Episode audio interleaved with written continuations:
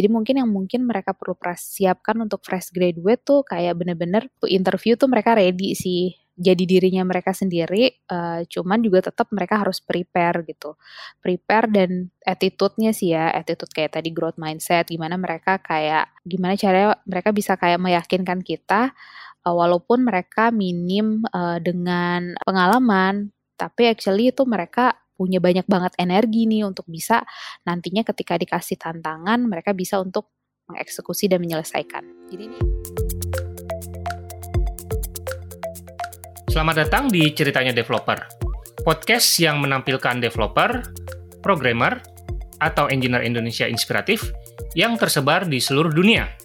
Bersama saya Riza, kita akan menggali bagaimana mereka berjuang, suka dukanya dalam perjalanan karir, hingga kesalahan konyol saat ngoding.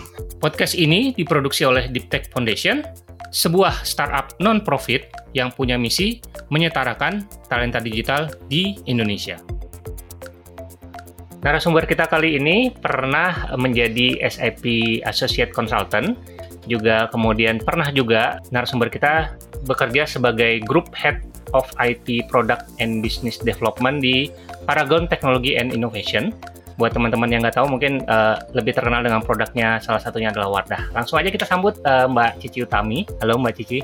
Halo Mas Riza, apa kabar? Baik, baik. Mbak Cici gimana kabarnya? Alhamdulillah baik. Oke, okay.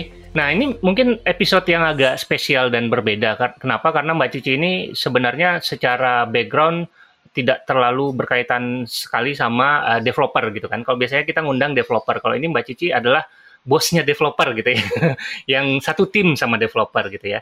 Jadi nanti kita akan nanya-nanya mengenai gimana sih rasanya bekerja dengan tim developer gitu? Ya ini aku aku ini loh surprise loh sebenarnya dapat undangan ya karena ini ngobrolnya developer. Cuman aku cuma sempat belajar ngodingnya tuh bentar hmm. banget dan gak sampai selesai jadi ya tahu-tahu dikit doang. Iya. Dikit. Ya kita kita developer juga butuh insight yeah. yang uh, dari dari sisi yang berbeda. Biasanya kan kita dapat insight dari sisi developer gitu kan orang yang benar-benar uh, menjalani karirnya di development kan. Sementara ini uh, kita mendapatkan kesempatan yang luar biasa gitu uh, bisa mengundang uh, salah satu apa ya uh, orang yang bergabung di dalam satu tim gitu ya yang me menjembatani antara uh, tim uh, developer dengan bisnis gitu. Nanti kita akan uh, apa cari tahu sudut pandangnya gimana. Mungkin uh, pertanyaan pertama uh, saya pengen tahu gimana sih rasanya tuh kerja satu tim sama developer wala uh, walaupun kita berada di posisi yang bukan developer? Um, nah, kalau gimana rasanya tuh um, sebenarnya kan role aku sekarang tuh nyebutnya tuh bisnis partner sih banyak kan kita ya karena kita belum yang seperti di startup punya product manager. Jadi emang kita di tengah-tengah ala product manager yang membridging antara bisnis dengan developer.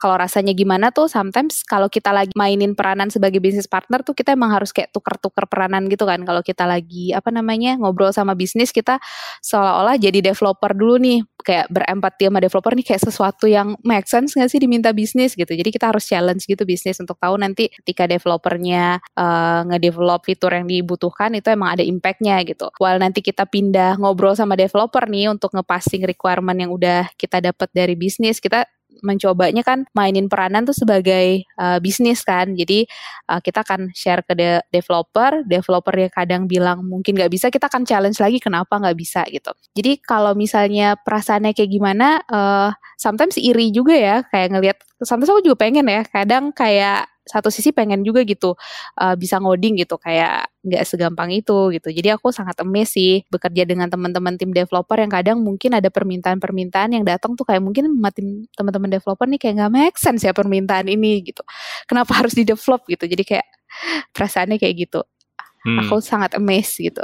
Apa yang bikin amazed dengan sosok developer kalau dari sisi Mbak Cici sendiri? Uh, ini kita kalau komunikasi pakai bahasa Indonesia Inggris aja susah ya. Ini kan another bahasa lagi ya. Jadi kalau aku ngeliatin berapa kerumitan pengerjaan programmingnya itu ya, itu kayak oke, okay, how come ini mereka bisa kayak menulis bahasa yang uh, ini bahasa apa ya kayak gitu sih. Even kayak berkomunikasinya dengan bahasa yang berbeda gitu. Dan tiba-tiba yang kita mau terdeliver itu kan jadi kayak luar biasa banget ya. Kita minta apa, mereka doing sesuatu dengan bahasa yang susah-susah itu terus deliver sesuatu solution buat kita semua. Hmm, jadi mulai dari apa permintaan ya, yang kadang tidak masuk akal, Iya. terus tiba-tiba bisa diramu sedemikian rupa sehingga menjadi sebuah produk atau sebuah uh, apa ya uh, aplikasi yang bisa Hmm. digunakan gitu ya. Bener, bener. Oke, uh, kita ngobrolin sedikit tentang Paragon nih. Jadi Paragon kan tadi saya udah sebutkan uh, lebih Hmm. terkenal dengan uh, produk uh, kosmetiknya ya, Wardah salah satunya kan.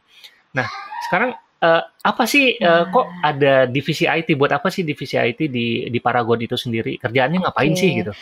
Ini one of uniknya Paragon dulu nih namanya aja kan Paragon Technology and Innovation gitu ya. Mungkin nggak akan ada yang ngira ini perusahaan kosmetik atau perusahaan IT gitu. Namanya teknologi. Jadi itu sebenarnya buat IT-nya sendiri nih pressure nih sebenarnya perusahaannya udah kayak ngeput teknologi gitu. Kalau apa yang dilakuin sebenarnya kita sama kayak startup pada umumnya gitu. Mungkin even lebih kompleks ya karena kan secara em, rantai apa namanya uh, kita mulai dari supply chain, kita manufacture sendiri, kita distribute, habis itu orang-orang akan coba me uh, branding lagi tuh si produk-produknya sampai jualan gitu. Jadi IP-nya di sini benar-benar kita gimana caranya bisa bareng-bareng bisnis tuh membuat value untuk perusahaan melalui teknologi sama inovasi. Ya sesimpel kayak hal-hal yang biasanya dilakuin sama uh, teman-teman di bisnis tuh manual gitu ya, either itu di kertas, di Excel atau di mana pun ya udah kita coba nih gimana bisa mensimplify secara bisnis prosesnya juga, plus juga kita digitalize. Uh, makin going forward ke sini sih lebih lebih uh, advance lagi ya karena kan ke, dengan ada banyaknya data kebutuhan bisnis tuh nggak cuman sekedar pindahin dong ini dari manual ke sistem gitu nggak sekedar itu lagi kan. Gimana caranya semua yang udah kita collect itu datanya bisa kita getting insight gitu. Jadi kita juga trying untuk mencoba lebih advance um, perlahan gitulah ya.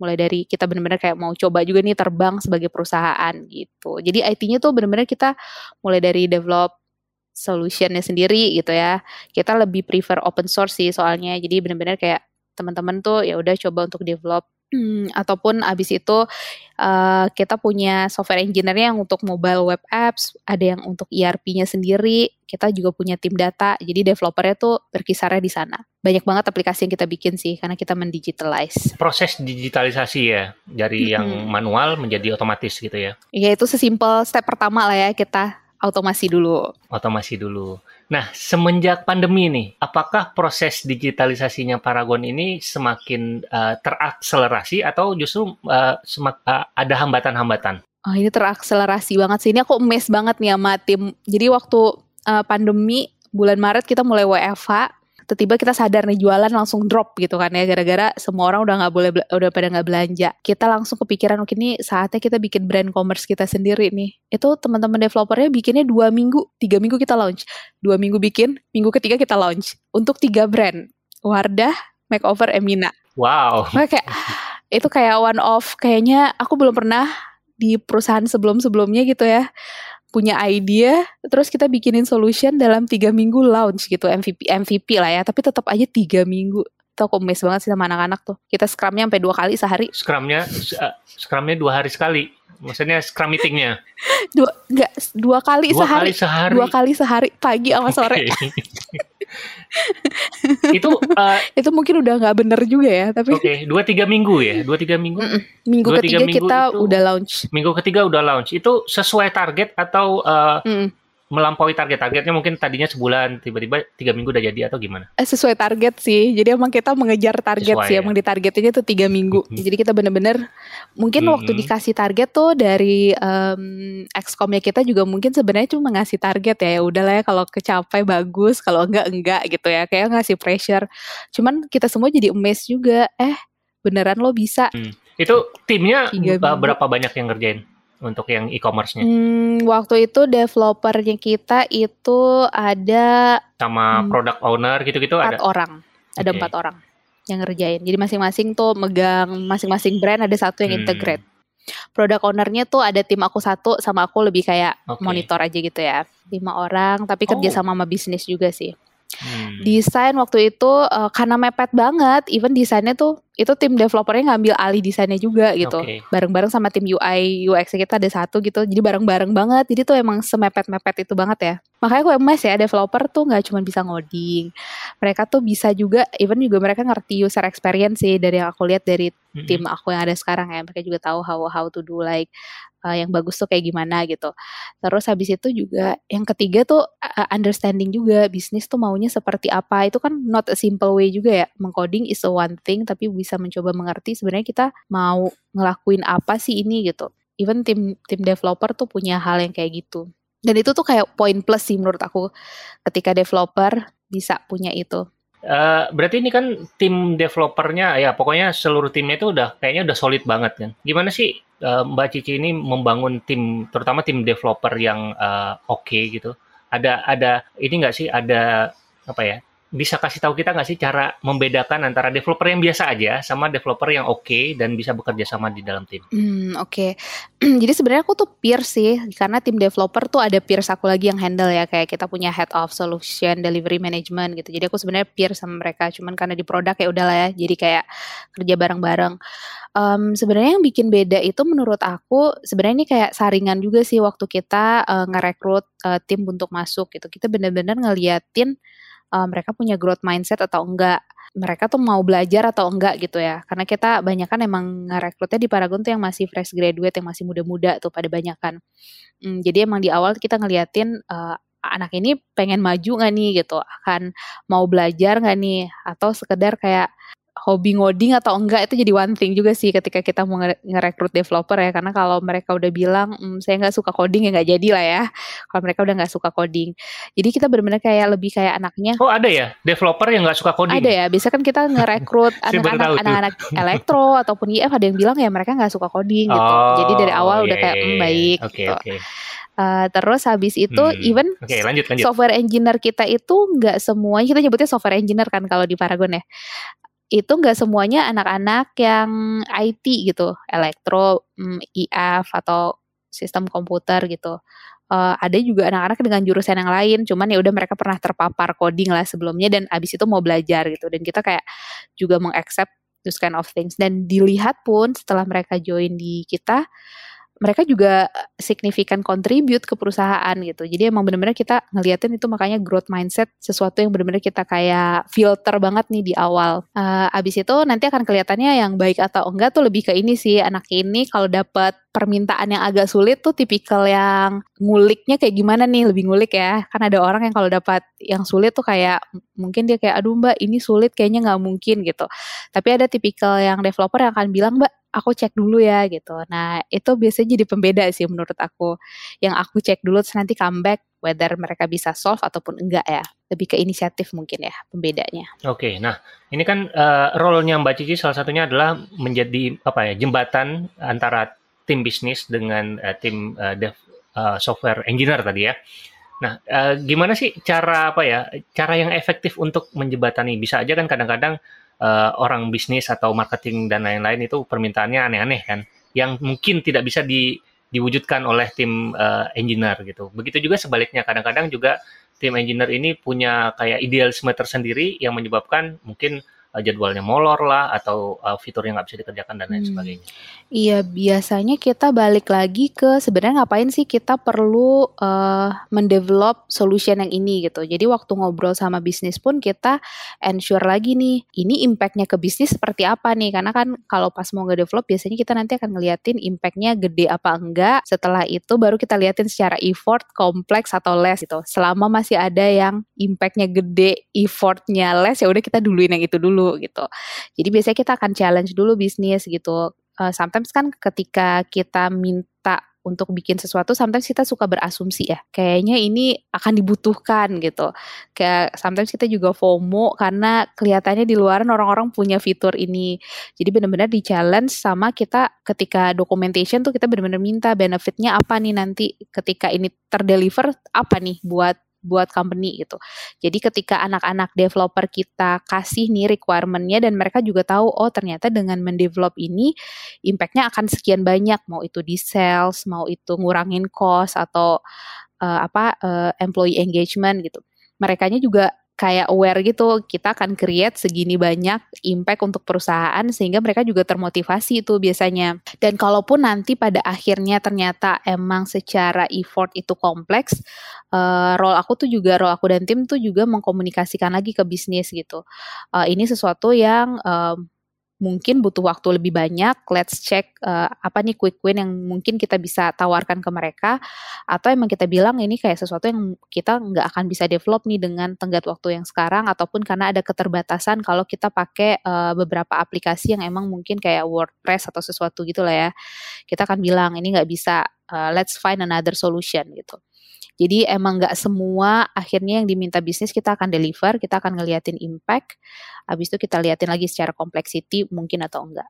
Itu yang akan kita pas juga ke engineer. Dan kita juga selalu bilang ke engineer ketika emang mereka punya another solution yang bisa ditawarkan karena itu kompleks dan mereka melihat peluang ada sesuatu yang secara solusi lebih baik, mereka juga harus pick up gitu. Jadi itu bisa kita jadiin sesuatu yang disampaikan lagi ke bisnis. Nah, Mbak Cici ini kan uh, background pendidikannya uh, teknik industri benar ya? Benar. Nah, sekarang uh, setelah apa kuliah di teknik industri, kemudian sekarang berkecimpung di dunia IT atau dunia teknologi. Gimana sih apa uh, buat seseorang yang uh, non IT terus sekarang bekerja di dunia di perusahaan teknologi? Mungkin bisa di-share uh, informasi atau hmm. pengalaman hmm. atau insight-nya? Sebenarnya aku agak kaget juga sih di awal-awal ya. Dulu waktu kuliah kan sempat sebenarnya belajar codingan tapi tuh kayak ya dua SKS. Jadi kayak ya dianggap nggak nggak ada lah ya uh, secara knowledge gitu. Pas awal-awal berkarir di IT, uh, sebenarnya kan SAP consultant. Nah, waktu SAP consultant tuh agak lebih aman sih karena fokusnya tuh lebih ke bisnis proses sama beberapa configuration yang nggak perlu ngoding. Cuman pas aku pindah ke kantorku yang ke, sebelumnya nih ke Unilever, ternyata aku baru terpaparkan nih dengan SQL dan those kind of things. Awalnya aku kaget banget sih. Um, karena nggak ngerti itu. Jadi mau nggak mau akhirnya ya baca buku sih waktu itu baca buku gimana caranya paling nggak bisa ngerunning beberapa query di SQL. Um, tapi lama-lama karena emang aku fokusnya lebih ke produk ataupun ke bisnis partner, uh, yang menurut aku paling penting itu sebenarnya lebih kayak ngerti logic sih, logic user journey uh, sama walaupun nggak bisa ngoding nih di dunia IT, tapi paling nggak aku ngerti nih gimana caranya untuk ngebaca codingan dikit gitu. Jadi sebenarnya aku ngerasanya juga aku bisa ngasih kontribusi untuk ngebantuin teman-teman developer kalau mereka ada isu gitu. Jadi kayak kalau mereka ada escalate isu aku bisa bantu. Menurut aku jadinya sebenarnya jurusan nggak akan membatasi apakah nanti kita akan bisa berkarir di IT atau enggak karena at the end once kita udah kecemplung ke dunia IT-nya sendiri mau nggak mau ya belajar lagi ya. Uh, jadi kalau yang sekarang aku rasain aku sebenarnya masih trying untuk um, jadi yang aku nyebutnya bukan tech enthusiast gitu sih. Aku emang fokusnya ke solution ya. It will be great kalau aku bisa ngoding, which is aku juga belajar-belajar sekarang. Uh, biar nanti kalau ngobrol-ngobrol sama teman-teman developer lebih nyambung. Hmm, cuman balik lagi, akhirnya nggak harus membatasi ketika yang akan bisa berkecimpung di dunia IT itu adalah anak-anak yang mungkin majoringnya adalah IT. Uh, semua orang tuh akhirnya pada akhirnya bisa sih gitu, as long as mau belajar. Hmm. Berarti skill untuk bisa ngoding atau programming itu penting ya untuk semua uh, sisi apa ya bukan hanya untuk uh, anak IT gitu ya. Benar nggak sih? Kalau misalnya di di zaman sekarang bener sih. Even kayak kalau pernah aku ikut kelas kalau misalnya sekarang anak-anak finance itu mungkin ya sekedar pakai Excel dan uh, rumus-rumusan di Excel gitu kalau misalnya aja nih mereka bisa Python gitu ya, itu mereka ngolah data bakal cepet banget sih. Jadi even mungkin akan ada beberapa codingan-codingan tuh yang nggak harus anak IT gitu. Ketika orang lain yang bukan IT bisa, itu akan membantu mereka banget dalam dunia kerja aku ngerasanya sih mungkin suatu saat tuh semua orang tuh mungkin Python tuh akan jadi kayak base untuk mata kuliah gitu ya paling nggak ya salah satunya yang ketika akhirnya mereka kalau mau ngolah data banyak nih terutama anak-anak finance sih karena aku sering banget berhubungan sama finance juga it will be very helpful untuk merekanya sendiri walaupun mereka nggak yeah. berkarir di IT. Hmm, Python dan SQL kali ya untuk data Mm-mm, ya. Python sama SQL gitu ya. Udah hilang lah Excel nggak perlu lagi ya.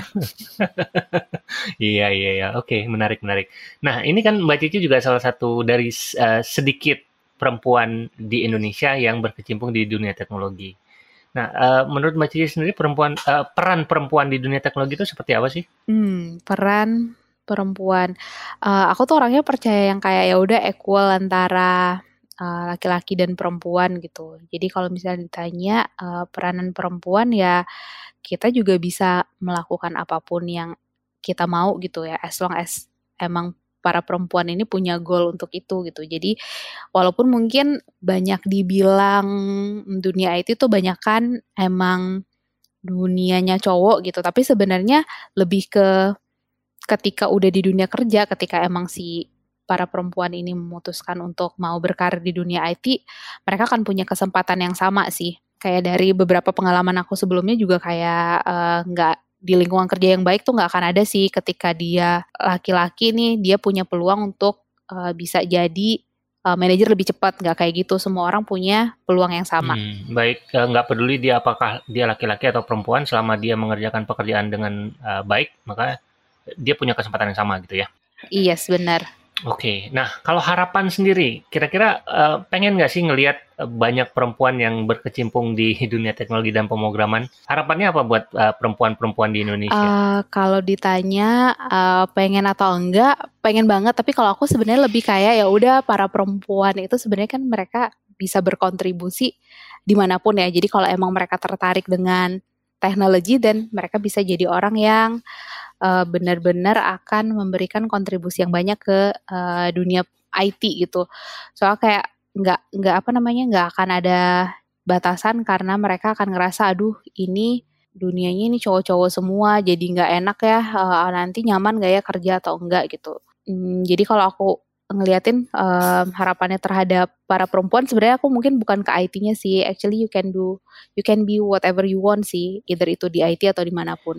Nah Mungkin uh, Mbak Cici kan udah punya pengalaman cukup lama juga untuk membangun tim dan hiring developer kan. Mungkin bisa dibagi tips dan trik untuk developer supaya developer-developer ini lebih mudah dicari atau didapat oleh uh, para uh, apa ya employer atau yang uh, butuh uh, tenaga mereka. Hmm, oke, okay. ini tips and trick ya. Biasanya kalau kita ngerekrut nih, um, ketika mereka kita mau ngerekrut developer, sebenarnya ketika mereka udah benar-benar tahu bahasa pemrograman salah satu aja gitu ya, itu akan jadi nilai tambah sih. Kita akan checklist dulu nih. Tapi terlepas dari itu, sebenarnya uh, yang mungkin dibutuhkan company sih seberapa jauh sih si calon developer kita ini tuh mau belajar dan mau tumbuh berkembang bersama kita gitu. Ini biasanya kelihatan dari hmm, energinya dia gitu. Atau ketika uh, Biasanya kan kalau fresh graduate mereka belum punya pengalaman kerja ya biasanya ya. Kita akan lihat sih dari how dia waktu di kampus nih ceritanya. Biasanya kita ngeliatin gimana caranya dia selama ini uh, berorganisasi. Even tuh mungkin gak ada kaitannya sama developer ya. Tapi biasanya kita ngeliatin how mereka doing activity di kampus. Dari sana kita akan bisa ngeliatin sih sebenarnya energinya seperti apa, orangnya mau belajar atau enggak. Balik-balik lagi uh, kita mau ngeliatin ini si calon developernya ini tuh punya growth mindset gitu. Jadi walaupun mungkin sekarang dia punya keterbatasan bahasa pemrograman yang dia bisa, kita tahu dia pasti akan mau belajar. Gimana tuh membedakan antara developer yang punya growth mindset sama yang punya fixed mindset? Pada saat interview ya, gimana tuh membedakannya? Saat uh interview ya. Ya ini emang sometimes feeling feeling ya. okay. feeling. Tapi kita ngelihat kan, ngeliatin ekspresinya hmm. dia, ngeliatin ceritanya dia yang ketika kita gali kan, kalau misalnya dia fake hmm. it gitu ya, nanti pas digali lagi tuh kayak dia akan bingung sendiri kan ngejawab gitu. Jadi biasanya kayak dari pertanyaan-pertanyaan itu kita sama kayak men-challenge bisnis aja gitu kalau lagi gathering okay. requirement. Ini kita juga kayak why why gitu ya. Jadi kayak sampai kita ngerti dan bisa ngeliat bener-bener kayak listeningnya tuh liatin ekspresinya, liatin uh, cara jawabnya dia, even sampai mungkin kedengarannya ini dia uh, suaranya kedengaran takut-takut karena bohong atau gimana gitu. Uh, sama apa namanya di Paragon tesnya lebih banyak nih. Ini even aku kayak waktu masuk sini tuh tesnya tuh banyak banget ini kayak tes terbanyak yang aku laluin untuk masuk perusahaan. Mungkin bisa di-share gitu proses uh, interviewnya untuk developer terutama ya okay. yang mau join. Siapa tahu nanti pendengar kita ada yang mau join gitu. Oh boleh boleh. Sebenarnya kalau interviewnya nanti tahapannya tuh uh, tahapan sebelum ketemu dengan IT-nya sendiri tuh biasanya lewat psikolog dulu nih. Jadi emang kita tuh bener-bener kayak ngeliatin beberapa hal lah dari sisi kemampuan, dari sisi nanti energi gitu. Jadi ada beberapa tes yang emang uh, psikotes dulu, abis itu interview dengan psikolog. Jadi bener-bener interview sama psikolog nih buat ngeliatin anaknya kayak gimana nih secara kepribadian. Uh, kalau itu udah pas, baru nanti ke uh, eh, IT-nya, biasanya ke uh, head of solution delivery managementnya kita ataupun ke head yang lain lah pokoknya di ITLT ya leadership timnya kita ja, kita belum sampai untuk ngetes dia bisa coding atau enggak sih. Tapi kalau misalnya dia punya portofolio biasanya kita liatin juga. Atau kalau enggak bener-bener kayak pertanyaannya lebih kayak waktu interview aja. Kita um, mungkin akan ada beberapa pertanyaan terkait teknis yang kita tanyain terus kita lihat dia bisa jawab atau enggak. Uh, itu one thing. Tapi back lagi kecocokan yang tadi sih ngeliatin energi sama growth mindset waktu interview. Oke, okay, menarik sekali ya. Jadi di awal itu udah langsung sama psikolog untuk melihat culture fit-nya kali ya. Mm-mm, culture yang fit, spirit bener. sama growth mindset tadi ya. Yes, kita liatin sometimes bukan sometimes kita ngeliatin IQ, terus energinya seperti apa, kepribadiannya seperti apa, terus tipikal anaknya nih in general tuh kayak gimana gitu. Even hasil dari psikotes itu kalau kita baca tuh berlembar-lembar juga gitu sih. Jadi waktu sebelum kita interview biasanya kita liatin itu juga. Oke, okay, nah ini kan Paragon juga tadi Mbak Cici sempat cerita cukup sering meng-hire uh, fresh graduate kan. Dan sementara banyak fresh graduate yang kayak mengeluh ke kita mau cari kerjaan tapi butuh apa pengalamannya sekian. Padahal kita mau apply untuk mendapatkan pengalaman. Ini yang mana duluan gitu. Eh, kira-kira ada tips khusus nggak buat uh, para fresh graduate? Kira-kira apa yang dibutuhkan untuk supaya menutupi kekurangan pengalaman mereka? Apakah dengan banyakin portfolio atau dengan hal yang lain? Hmm, oke. Okay. um, sebenarnya mungkin uh, untuk para fresh graduate mereka udah punya basic ya. Kan kita akan ngeliatin selama kuliahan mereka ngapain aja. Jadi sebenarnya mereka udah punya base gitu. Dan ketika kita ngerekrut fresh graduate, kalau dari Paragon karena emang kita sering ngerekrut fresh graduate gitu, kita juga udah paham sih beberapa konsekuensi gitu. Seperti ya kita kan nggak bisa compare ini dengan orang yang mungkin udah 2-3 tahun pengalaman gitu karena ya pas kuliah akan beda. Di kita sih bener-bener kayak ngeliatin back lagi selain ngeliatin kepribadiannya um, bener-bener anak ini bisa kita punya jadi kayak dia punya kapasitas nggak nih gitu ya kapasitas tuh lebih kayak kalau dia gelas nih kalau walaupun dia gelasnya kosong tapi gelasnya gede nggak sih sehingga waktu kita isi ini nanti airnya bisa banyak gitu. Jadi kita bisanya ngeliatinnya itu dari sana.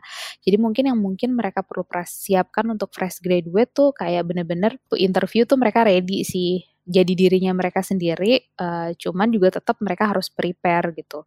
Prepare dan attitude-nya sih ya, attitude kayak tadi growth mindset, gimana mereka kayak, gimana caranya mereka bisa kayak meyakinkan kita, uh, walaupun mereka minim uh, dengan pengalaman, tapi actually itu mereka punya banyak banget energi nih untuk bisa nantinya ketika dikasih tantangan mereka bisa untuk mengeksekusi dan menyelesaikan. Jadi ini info buat teman-teman fresh graduate karena Paragon masih rekrut. Kita oh, masih rekrut banyak nih buat hiring ya, lagi hiring ya. Mau developer, hmm. Hmm, lagi hiring kita.